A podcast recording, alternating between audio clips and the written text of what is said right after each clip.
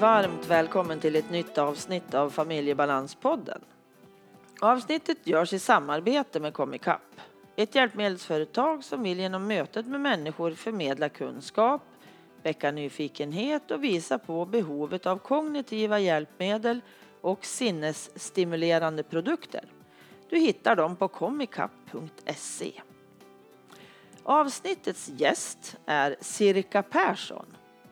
Vi ska prata om skolstart och eh, om vad skolan kan göra som kan vara verkligen avgörande för de elever som har en större skörhet eller sårbarhet.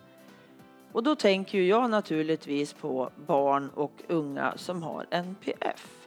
Men det här som den skolan gör, som Cirka jobbar på, det är avgörande för alla barn och blir jättebra för allihopa. Nyligen startade ju höstterminen 2018 och jag har ju läst i långa trådar i olika forum om vilka våndor både barn och föräldrar känt. Behöver det kosta mer att göra förändringarna? För att göra en grund som gör att eleverna kan komma tillbaks till skolan efter sommarlovet eller andra lov och inte må skit redan från början. Allt det här får du svar på i avsnittet.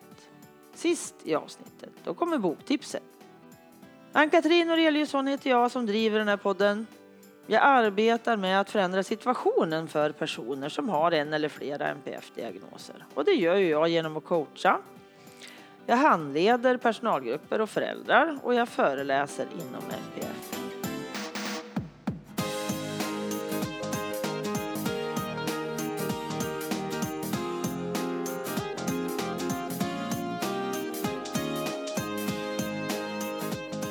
Hej Cirka!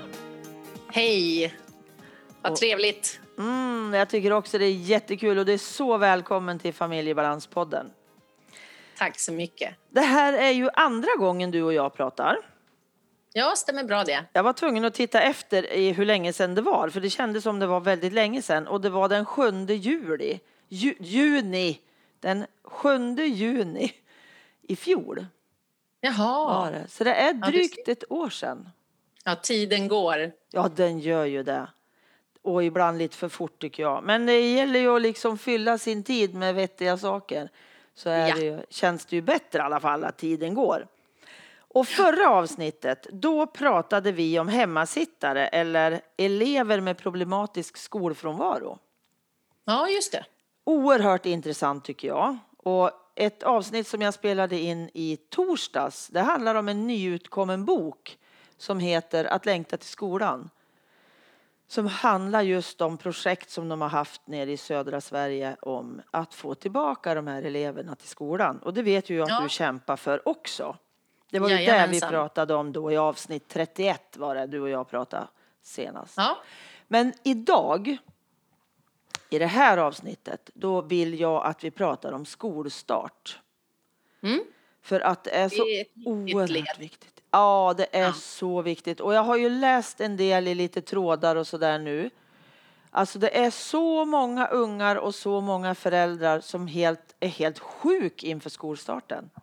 ja, det är sorgligt. Ja, det är ju det. Och jag följer ju dig och läser det du skriver, både på din privata och på din, eh, liksom, inte företagssida heter väl, men ja, du har ju flera ställen du skriver på. Yes. Och vad heter den där? Den heter Kringlaskolan. Jaha, Ja, Kringlaskolan Eleven i centrum. Just det. Där skriver ju du ganska mycket och det är så intressant in, in, i, intressanta grejer du skriver. Dina inlägg är jätteintressanta. Tack. Men först så blir ju jag så här, varför har du den här enorma glöden för skolan?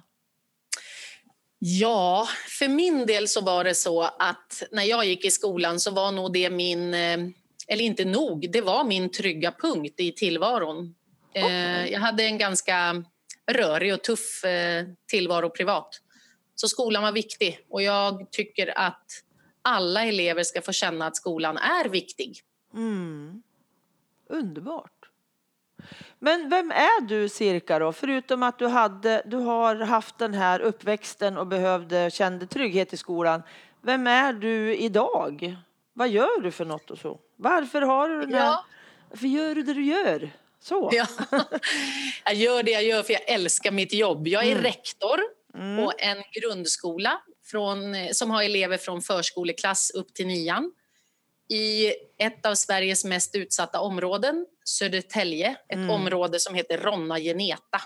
Okej. Eh, och jag har varit rektor på den här skolan sedan 2002. Oj, det var ett tag Ja. du. Ja. Det är ett tag det. ja. Okej, så att du har en övergripande roll på den skolan. Ja, det kan man säga. Det, det är ju, främst tänker jag som rektor så är det ju det pedagogiska ledarskapet i centrum och sen att se till att alla som finns på skolan oavsett om det är elever eller personal ska ju känna sig trygga och ha en bra arbetsmiljö. Mm. Mm. Ja, det är ju förutsättningen för att de vuxna ska orka gå till jobbet också Ja, och kunna ta emot barnen på rätt sätt. ja precis. Men jag tänker så här då, genom att jag läste ju lite som du skrev om skolstart och så där som gjorde att jag varit jätteintresserad av att ha dig med en gång till så här.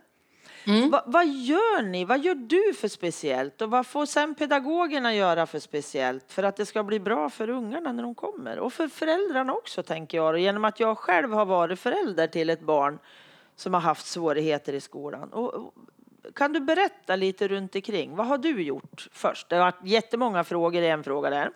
Ja. Men om Eh, jag tänker, man- vad- vad gör du då? Ja, grunden hos oss är väl att vi försöker lägga in det i vårt systematiska arbete. Så vårt arbete för skolstarten, det börjar egentligen redan i maj. Mm. Då förbereder vi och tittar på det elevunderlag vi har och de elever som är tänkta att komma in till hösten. Och så Mm. planerar vi för någonting som vi kallar välkomstsamtal. Och det innebär att vi har ett, ett samtal på en till en nivå första dagen istället för upprop. Okej. Och då möts förälder tillsammans med elev och personal. Okej. Och så pratar man igenom vad finns det för farhågor, vad har man för förväntningar på varann och på skolan. Mm. Och vet vi då att vi har elever som har antingen har haft en problematisk skolfrånvaro eller som har olika utmaningar av olika slag, då brukar vi också boka in ett extra möte att de får komma till skolan och titta på lokalerna. Vart ska deras krok vara? Vilket skåp ska de ha? Ja, men du vet, bädda lite grann sådär. Mm. Och det är liksom på individnivå. Mm. Och sen är vi väldigt noga med att själva starten ska vara festlig. Vi firar att vi startar skolan Mm. istället för att bara fira skolavslutning. Mm. Så firar vi skolstart också. Och då, då alltid planerar vi i personalen och gör någonting roligt för eleverna. Vi gör om en sång eller någon liten dans eller något och så tar vi emot eleverna med utrullade röda mattor och lite salta pinnar och dricka och ballonger och ja, gör det festligt helt enkelt och börja skolan. Mm. Visar att vi tycker det är något viktigt. Härligt det låter. Ja, det Oj. är mys idag. Ja, det förstår jag. Men alltså ni börjar i maj sa du. ja, Men, men hur ser planeringen ut då, då? Ni tittar ju igenom då, som du sa, på elever Mm. som ni vet vilka de är och de här eleverna som kommer då, nya liksom. ja det, man kan väl säga att det börjar att vi i elevhälsoteamet sitter. Okej. Och då har vi ju dels att titta på underlaget från våra trivselenkäter. Hur har det sett ut när eleverna svarar om hur de trivs på skolan? Mm. Och sen går vi också igenom de behovslistor som vi har, som vi kallar det. Där vi för upp elever med olika typer av anpassningar, särskilda behov och så. Aha. Så att vi inte ska tappa någon mellan stolarna. Ja. Och utifrån det gör vi en, en planering helt enkelt. Så, så planeringen kan ju skilja sig åt beroende på årets kartläggning. Mm. Mm. Men, Men- huvudsyftet är att vi alltid ska ligga steget före och att vi ska försöka undvika de här misstagen som kan göra att en elev känner att det blir tufft att komma till skolan. Mm. Händer det att ni säger till, alltså jag tänker så här, ibland så vill ju föräldrar komma och berätta Ja, att så här är det för mitt barn. Händer det då att ni säger nej, vi vill inte höra någonting utan vi vill ha en, ett tomt blad som kommer? Nej, nej, det gör vi inte. Alltså våran grundtanke är ju att föräldrar vill ju alltid sitt barns bästa Mm. och vi vill alltid elevens bästa och därför Mm. måste vi samarbeta redan från start. Föräldrarna sitter ju på en enorm kunskap hur barnet fungerar som vi aldrig kan komma åt på samma sätt. Nej. Tack för det. Gud vad lycklig jag blir. För så var det faktiskt när, när våran son skulle börja sjuan. Då fick Jaha. inte vi berätta för att de ville bilda sig en egen uppfattning som man sa. Oj, Vilket gjorde att han var totalt utbränd innan jul. Tyvärr. ja det är sorgligt. Ja. Och jag blir så lycklig när jag hör att det faktiskt inte funkar så på andra ställen. Och nu är ju det här Nej. ganska många år sedan så jag hoppas verkligen att den skolan har förändrat. sin- Ja, det får man hoppas. Precis. Men ju, ju färre som gör det ute i landet ju viktigare är det ju liksom. Eller ju bättre Ja. är det. Ja, det är därför sånt här är så viktigt. Dela med sig. Ja, ja, men det är ju det. Och för många säger ju också, finns föräldrarna med så är ju halva vägen gådd. För Absolut. Då får jag ju liksom informationen vad som behövs. Ja. Bru- Brukar ni uppmana föräldrar att komma och berätta de här som är, för det finns ju en massa föräldrar som är lite försiktiga också, som inte vill riktigt och törs inte riktigt. Jo, det gör det. Vi, vi pratar väldigt mycket hos oss om förtroendekapital. Mm. Eh, att bygga upp ett förtroendekapital som gör att föräldrarna verkligen vågar komma till skolan. Och vi ser till att vi har lite olika forum. Mm. Eh, men oftast det här personliga samtalet, det, det kommer alla till. Det, de uppskattar det väldigt mycket. Vi har jobbat med det i säkert tio år nu. Mm.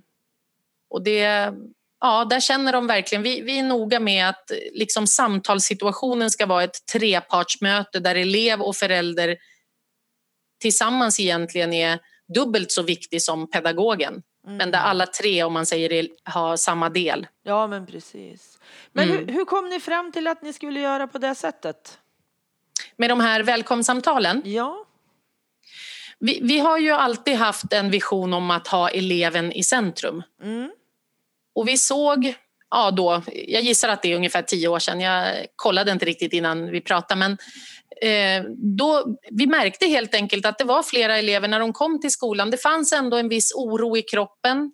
Några hade kanske haft en jobbig sommar, det kunde ha varit skilsmässor eller dödsfall, mobbningssituation på nätet med klasskamrater. Det, det, det fanns alltid ett bagage. Mm. Ehm, och då bestämde vi att nej, men vi måste försöka möta upp det här på något sätt så att vi är bra förberedda när de kliver in i skolan och så att de också har fått ur sig sin oro. Så att vi inte placerar fel elever ihop med varann eller gör någon form av utflykt som kan gå helt galet. Ja, men du vet, det finns så Mm. mycket att tänka på. Mm. Ja, och det, så det var orsaken helt enkelt. Okej. Ja, så klokt. Men alltså, har ni alltså inbördes då något slags, eh, vad ska jag säga, någon punktlista? Det här gör vi nu och det där gör vi då, då, då, då, då, då, då, som ni liksom följer? Ja, det har vi. Ja. Vi, vi, har, vi har, dels har vi liksom en, vad ska man säga, en liten plan för det här själva samtalet. Mm. Så att alla vet att fokuset är att eleven och föräldrarna ska känna sig trygga Mm. och också att man direkt ska få fokus på skola. Och då måste vi ju veta liksom vilken nivå är barnet på, Mm. vart ska vi möta upp? Har man inte gått i skolan på hela vårterminen kanske, då är det något helt annat än att möta en elev som har varit väldigt aktiv i skolan. Mm. Så då, då har vi, när vi startar upp studiedagarna som är före eleverna kommer, då går vi alltid igenom hur håller vi de här samtalen så att all ny personal kommer in i det och så att alla gamla påminns. Och då går vi också igenom den här behovslistan jag pratade om Mm. Så att ingen tappar bort vad hade Nej. vi för åtgärder på eleverna förra året som fungerade. Nej, men precis. Kostar det här mycket pengar att göra det här? Det kostar ingenting. Nej, precis. Det är ju ofta så det är, tänker jag. Ja. Att man skyller på att nej, men vi kan inte göra så här för det kostar så mycket pengar. Och Nej. jättemånga saker av det här bra kostar ingenting. Nej, jag skulle snarare säga att i förlängningen så spar man pengar för eftersom man ser till att man slipper släcka en massa bränder sen Mm. så får man en bättre arbetssituation och bättre möjligheter för eleverna och då blir det så att säga billigare i längden. Mm. Ja, och jag tänker det blir billigare även i energi, slit, vad heter det? energiläck. Ja men Alltså, definitivt. Det läcker ju jättemycket energi när man släcker de här bränderna. Puff, så, ja. Ja. som blossar upp här och där och det ska tas Ja. massor med saker som man måste ta reda på för att man inte gjorde det här förarbetet. Ja, och det tar mycket energi från läraren när de Ja. känner att eleverna inte får lyckas. Ja, men visst. Och frustration tänker jag också. Det är ju en förtvivlan också att vara pedagog eller vara en, en personal i skolan och så se att det går bara tok. Ja, absolut. Det kostar på att inte få känna som lärare, tänker jag också, att det är, jag gör en bra sak. Och det, blir, Definitivt. det går bra. Ja. Och jag tror också vi- att glädjen när de här ungarna som verkligen har det svårt, att glädjen när man ser att det fungerar där är så enormt stor, tänker jag. Ja, definitivt. Det, det, det blir ju som en seger varje gång som man får uppleva tillsammans när man tar sig över svårigheterna. Precis. Om eleverna har det bra, då kommer personalen ha det bra. Det, är liksom, det hänger samman. Mm. Hur har ni det på eran skola med, alltså det finns ju mycket kringpersonal, personal som inte är pedagoger. Ja. Hur, hur har ni med dem, gör, är de utbildade också på något vis, kanske inom baskunskap runt neuropsykiatri och sådär, eller hur funkar det hos er?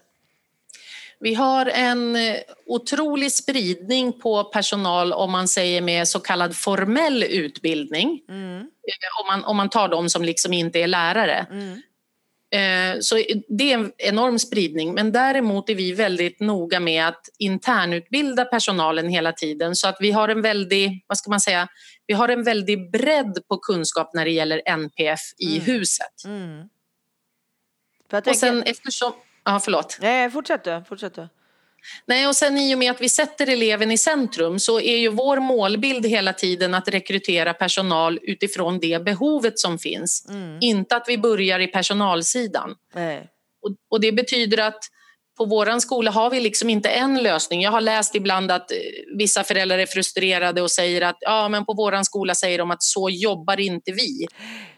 Det finns liksom inte hos oss, utan hos oss är det eleven i centrum och så det kan vara att en period har vi elevassistent, det kan finnas resurser, det kan vara en särskild undervisningsgrupp, Mm. det kan vara material som är lösningen eller ja, det kan vara precis vad som helst egentligen.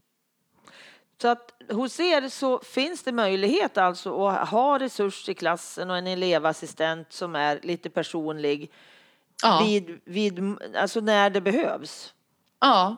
Mm. Vissa elever kan behöva det en begränsad tid, andra elever behöver det nästan hela sin skolgång. Mm. Ja, precis, för så, så olika är vi ju.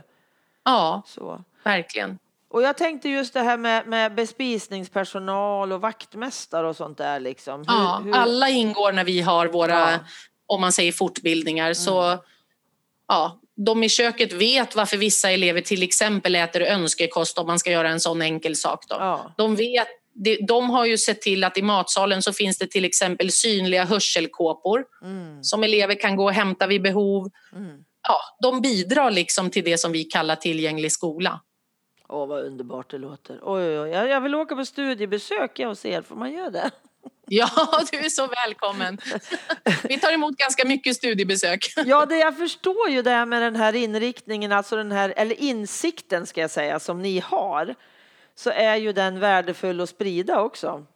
Ja, det är det definitivt. För det, att sätta eleven i centrum det är lika viktigt för de elever som är särbegåvade eller som Ja. har andra typer av eh, utmaningar. Ja. Så att det gäller verkligen att man, ja, men som du pratar om, det är en insikt det handlar om. att Mm. Man behöver komma till ett förhållningssätt. Mm. Precis. Precis. Ja, vad intressant. Och det, alltså, jag blir ju alldeles lycklig när jag hör sådana här bra... Ja, vad härligt. Jo, men alla de här bra exemplen när man får höra att jo, men vi har tänkt så här och det är genomtänkt. Ja, jo, det är ju viktigt. Det är det tror jag. Jag tror att det är det som ofta är nyckeln som behövs. Att man verkligen ska liksom tänka ett varv till Mm. Så att det alltid finns eh, ja men vad ska man säga, just att komma till det här systematiska. Att om vi gör det här, då kommer det här att hända. Inte att man efteråt upptäcker att oj, det här blev inget bra. Utan att hela tiden ligga i den här steget före varianten oavsett om det handlar om klassrumsarbete, matsalen eller åka iväg på utflykt. Och det krävs ju ganska mycket egentligen av människor som jobbar runt barn. Mm, Som det gör vi det. inte riktigt har förstått, tycker jag, först på lite senare år att Det krävs mycket. Det är inte barnen som ska anpassa sig utan det är vi som måste följa med på något vis. Ja, Och i- definitivt. lika i utvecklingen också. Va? Vi kan inte bara sitta och, och tro att det är som det var när man var, gick i skolan själv. För det var inte Nej. bra det heller. Nej, det är stor skillnad. Mm. Och det är så härligt tycker jag när det följer med så här. Men fler tankar eller fler saker, det måste ju vara mer grejer som ni gör som är specifikt för er. Man blir väl lite hemmablind kanske, men det vi är noga med det är ju också att när det finns elever med olika typer av behov, att vi pratar ihop oss om just det här att hur möter vi det från första stund? Att inte eleven ska behöva hinna komma in och känna att den misslyckas och då gäller det allting från att vi till exempel har bestämda sittplatser och då gäller inte det bara i klassrummet utan då har man bestämt sittplats i matsalen och så har man en bestämd krok i idrottssalens omklädningsrum. Att det liksom måste följa hela vägen. Ja. Det måste ju Att, eh, eliminera jättemycket oro Absolut. när jag Vet vet, vart jag ska.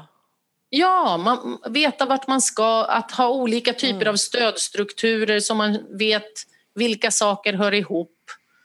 Att man Mm. kanske gör en sån sak som att anpassa akustiken i klassrummet kanske. Mm. Sätta små dyner under locken på bänkarna. Eller det, alltså det finns så mycket Mm. egentligen som ingår i det här med att göra det tillgängligt för eleven. Mm. Mm. Men, men liksom grundbulten är på något vis intresset för den enskilda eleven. Ja. Att ta reda på vad är just dina behov Mm. Ja, och att förstå att en elevs funktionsnedsättning det är vår skyldighet att se till att det inte blir ett funktionshinder. Mm. Det är lite amen på det här tycker jag. Det... ja, men det, är härligt. den känslan får jag. För det, liksom, det går inte att säga emot på något vis. Nu är inte jag någon som säger emot, men alltså det är bara liksom att suga in alltihop. Tänk om det här funnits på fler skolor, tänker jag. Ja. Det här enorma intresset och engagemanget och att vilja så mycket så att det verkligen blir bra. Och göra saker såklart. Jo, Men- för det, precis. För det, man behöver ju ha både vilja och kunskap. Ja, precis. För jag menar, vi har ju också fått lära oss jättemycket genom åren. Vi har haft samma goda inställning hela tiden men vi gjorde också många tabbar i början och om man säger i början när jag var rektor finns det säkert elever och föräldrar som var jättebesvikna på mig. Men, och, och så är det ju på något vis, man lär sig på vägen. ja, Men grundinställningen att vilja måste finnas där. ja. Och när ni då kan så kan ni ju också vilja. För ni har Ja. kunskapen, för det är ju så. Lika med ungarna, att kan de så vill man. Ja, precis. Chansen är så mycket större när jag kan. Exakt. För det är så många som tror att det är för att man inte vill, men det är ju för att man inte kan. Ja, Att jag precis. inte gör saker på ett eller annat Ja. sätt. Då. Jo, så det behövs ju en viss ödmjukhet också så att man lär sig, att man Absolut. tar hjälp. Ja. Man frågar när man inte vet. Ja, och idag så finns det ju så ohyggligt mycket kunskap egentligen. Och jag kan, jag kan Ja. få kunskap från så många håll om jag är intresserad. Så att vi, Definitivt. vi kan inte säga att nej men det vet jag inget om. Det går liksom inte längre utan nu är det, nu är det bara Ja. görandet kvar på något vis Ja. tänker jag. Absolut. Och därför är det härligt att se tycker jag att det, att det Ja. är en trend eh, att man vill göra mer. Absolut. Absolut. Jag vet Norrtälje kommun hade ju någon satsning här, kan det vara ett halvår, var det höstas tror jag. vet inte riktigt hur, hur det har gått, men eh, har du, vet du något? För de skulle ju. MPF, MPF anpassa sa de hela, hela Ja, kommunen. precis. Men Jo, jag, jag hörde det, men jag kan inte heller påstå att jag vet Nej. hur det har utvecklats. Nej, för det är väldigt roligt tycker jag. Och jag vet ju andra kommuner också här uppe hos mig då. Mm. Som verkligen vill göra en sån här stor satsning på att Mm. anpassa så att det passar alla. Ja, det är underbart. Mm. Det är härligt. Och det är roligt då när det finns de som har gått före för länge, länge sedan. Som ni till exempel. Men jag har en annan sån här intressant, eller vad ska jag säga, ja, en, en sak som ligger mig väldigt varmt och nära. Det är ju den här konflikten som blir på många skolor. Att hemmet och skolan blir liksom i konfliktsituation. Mm. Vi säger båda, både hemma och på skolan, att det är barnet i centrum. Mm. Och så hamnar man i någon jädra diskussion ovanför den här ungen i alla fall och så strider man mm. på varsitt håll. Va, vad tänker du om det? Nu är inte du ens förberedd på den här frågan för den flög förbi just nu. Ja. Men jag tänker, jobbar ni något speciellt med det? Att liksom, det gör ni ju naturligtvis med er grundläggande arbete. Mm. Men när det dyker upp, för det dyker ju ändå upp ibland oh, ja. Absolut. vi är inte överens. Och ja, det, jag, jag kan definitivt. Ja, och jag kan uppleva att jag blir så ledsen ibland när jag hör hur föräldrar klankar ner på skolan hemma mm. så att barnen mm. hör. Helt värdelöst. Precis. Det får vi inte tycker jag. Och Nej. att man kanske i lärarrummet bara åh nu kommer de där idioterna igen och det känner man liksom när man kommer in genom dörren. Jaha, ja. nu är vi där igen ja. Men ja. vad tänker du när jag säger så? För jag förstår ju att det händer att man kommer i konflikt, så är det ju. Eller Definitivt. I, i... Absolut, det händer. Och, och då, det som vi tänker då, det är ju att det är klart att det ligger någon form av, eh, vad ska man säga, oro i det. Om, mm. om, om skolan upplever att det är eh, föräldrarnas, eh, vad ska man säga, eh, inte attityd, men liksom förhållningssätt som gör att det blir mm. svårt att komma framåt. Mm. Då måste man ju som skola förstå att föräldrarna vill fortfarande sitt barns bästa men antingen handlar det om någon sorts antingen brist på kunskap hos föräldrarna, mm. för det gör det också ibland, mm. eller så är det att man faktiskt går igenom en kris när man inser vad ens barn har för svårigheter och utmaningar. Och den typen av föräldraångest den måste vi ha en enorm respekt för. Mm. Eh, och är det vi som skola som liksom på något vis inte samarbetar med föräldrarna, ja men då tycker jag då får man titta på sig själv och se, jaha, ligger det någon prestige här eller vad, mm. vad är det som stökar? Mm. Och, grund, på något vis hos oss, grundvisionen måste ändå vara så här att eftersom vi vill uppnå ett gott eh, samtalsklimat, ja men då får vi börja i änden i så fall att vi som skola viker ner oss, om man nu ska kalla det för det. Mm. Men vi får mm. backa undan, ödmjukt lyssna och se vart kan vi mötas någonstans. För mm. vi vinner ingenting på att försöka hävda vår rätt eller strida på något mm. sätt. Alltså det, det, är så overksamt att hamna i konflikt med varandra. Mm. Mm. Ja, den måste ju hanteras, det är ju så. Ja, det måste, måste hanteras och ja. på något vis är det vårt, hur det än är så är det vi som är, om man säger de professionella, så då måste vi ta ansvaret eller första steget. Mm. Det, det, tänker jag. Mm. Och, och det här andra som du pratade om, hos oss är det tabu att sitta i personalrummet och liksom bara beklaga sig över elever. Mm. Den kulturen tycker jag man måste jobba bort. Mm. För det man säger tillräckligt många gånger det är också det man tänker och känner och det, då kommer det vara så. Till jo, slut blir det en självuppfyllande profetia. Ja men exakt och det sipprar ut tänker jag. Ja. För det sipprar ja. ut liksom och, och, man känner det. Att det här, ja, det åh, liksom, nu är det jag mm. igen, usch. Ja. ja. Äh, men härligt att höra tycker jag. Just att ni, ni, ni, känslan jag får är ju att ni tänker ju faktiskt åt alla håll. Ja, vi försöker i alla fall. Ja, men ni jobbar ju stenhårt. Jag ser ju på det du skriver också att mm. Eh, det är så genomtänkt så att. Eh, ja, vad roligt att höra. För jag vill ju verkligen att det här ska ert tänk och ert klimat behöver ju sprida sig till så många fler ställen. Ja, man skulle väl önska att, att alla skolor fick känna, eller alla, ja. att alla elever fick känna att det var tryggt och att de var väl bemötta på ja. sin skola. För jag tänker just det här med förberedelserna som ni gör inför skolstart och det här en till en mötet ni har, alltså att ni är färre när ni träffas, inte en, en stor liksom uppstart sådär, mm. utan mm. att det är på en, en annan nivå känns otroligt positivt tycker jag. Ja, jo, det har varit väldigt, väldigt eh, uppskattat. Mm. Från alla håll. Liksom. Ja. Mm.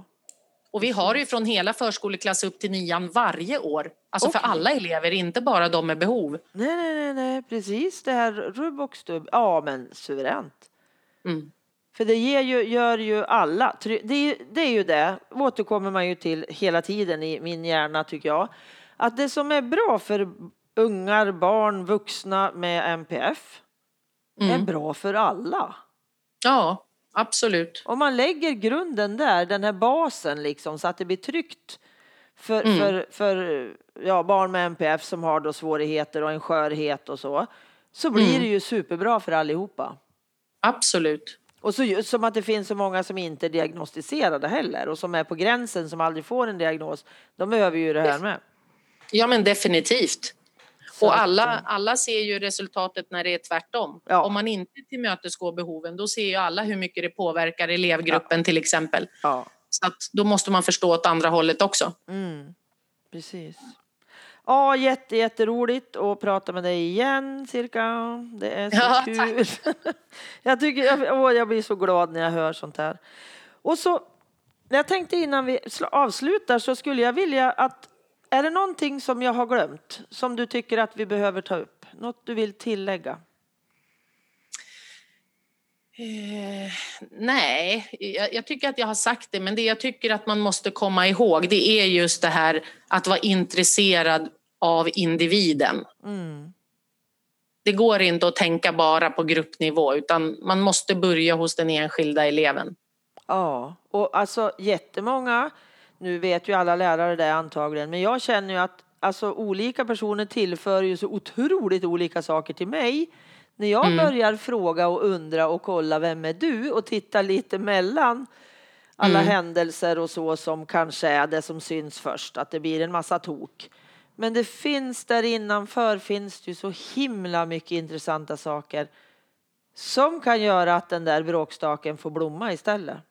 Definitivt, absolut. För vi hade ju problem, om jag ska gå tillbaka till våran familj, våran son som hade jättesvårt att redovisa och göra på det sättet som skolan krävde. Mm. Och vi bad, för han var superduktig på att filma. Han var otroligt kreativ med filmkameran och han klippte och han gjorde och grejer. Och jag sa, kan inte han få redovisa så? För det är Mm. hans specialsätt. Nej, vi jobbar inte så här. Och då blir ju jag, så jag vill skjuta folk. För att man inte... Ja men alltså lyssna på mig. Det finns ett Ja. sätt där han kan få visa och få vara duktig dessutom och kanske är den enda i klassen. Han Ja. var ju alltid den där som liksom, äh, vi, han kan sitta i korridoren. Han var inte Ja, bråkig men han var, han kunde inte tillgodogöra sig undervisningen. Nej, det är sorgligt, verkligen. Och med, med, jag förstår ju att hos er skulle det aldrig finnas på kartan att någon sa så att vi jobbar inte här. Så här, Nej. utan Nej. här gör vi så det passar. Ja, och, och, och om, vi, om någon hos oss skulle svara så, så skulle det handla om eh, liksom en stress eller okunskap i stunden. Vi skulle Mm. liksom aldrig stanna där, för det är klart att även vi säger tokiga saker Mm, och brister i vardagen. Men, men vår inställning är alltid att då löser vi det. Mm. Precis. Nej men det är klart, vi är ju människor, så tok kan man ju ja, det säga och man ju göra. tyvärr. Ja, nej tack och lov säger jag. Jag tycker det är ganska bra att vi är så här, att vi kan faktiskt också göra fel, men att man kan gå tillbaka och säga att det här blev Ja. inget bra. Nu gör vi Nej, så här istället. Ja, exakt. Istället för att eh, hålla på prestigen där då, för det är inte bra. Vi har ju ett arbetssätt där eleverna, redan när vi lägger planeringen, är eleverna med och får tycka till hur de tycker att de ska examineras. Okej. Så det kan ju vara tillfällen när eleverna ja, men önskar att få visa sina kunskaper genom en teater eller genom en film eller text. Eller, ja, det kan se väldigt olika Mm. ut. Kanon. Härligt. Jag blir alldeles tyst. För det finns liksom, jo men det är så härligt att höra. Så att jag blir bara... Något vis måste man ha olikhet som Ja. norm, tänker jag. Ja, men exakt, för det är där vi är, det är vi ju allihopa. Ja, Vi är ju inga annorlunda när vi är små som när vi är stora egentligen. Vi är ju lika olika då. ja exakt. Sådär. Men tack snälla Cirka för att jag fick prata med dig igen. Ja, tack så mycket. Och eh, jag tror att det kanske kan bli fler gånger. Jag vet inte. Vi får se vad jag hittar på för något. Kanske vi Ja, ses eller hörs igen. Ja. Ja, det gör vi. Ha det gott. Ha det bra. Hej då. Hej, hej.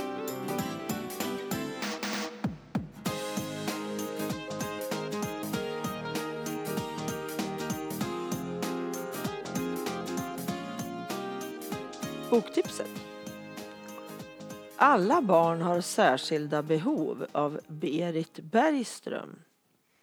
Det är en äldre bok från 2001 och på Bokus är den slutsåld. Men jag hittade den på Bokbörsen som eh, begagnad och på våra bibliotek är det ju mycket troligt att den finns och eventuellt så får man beställa den där. Det här är en bok i grundläggande tänk angående barn.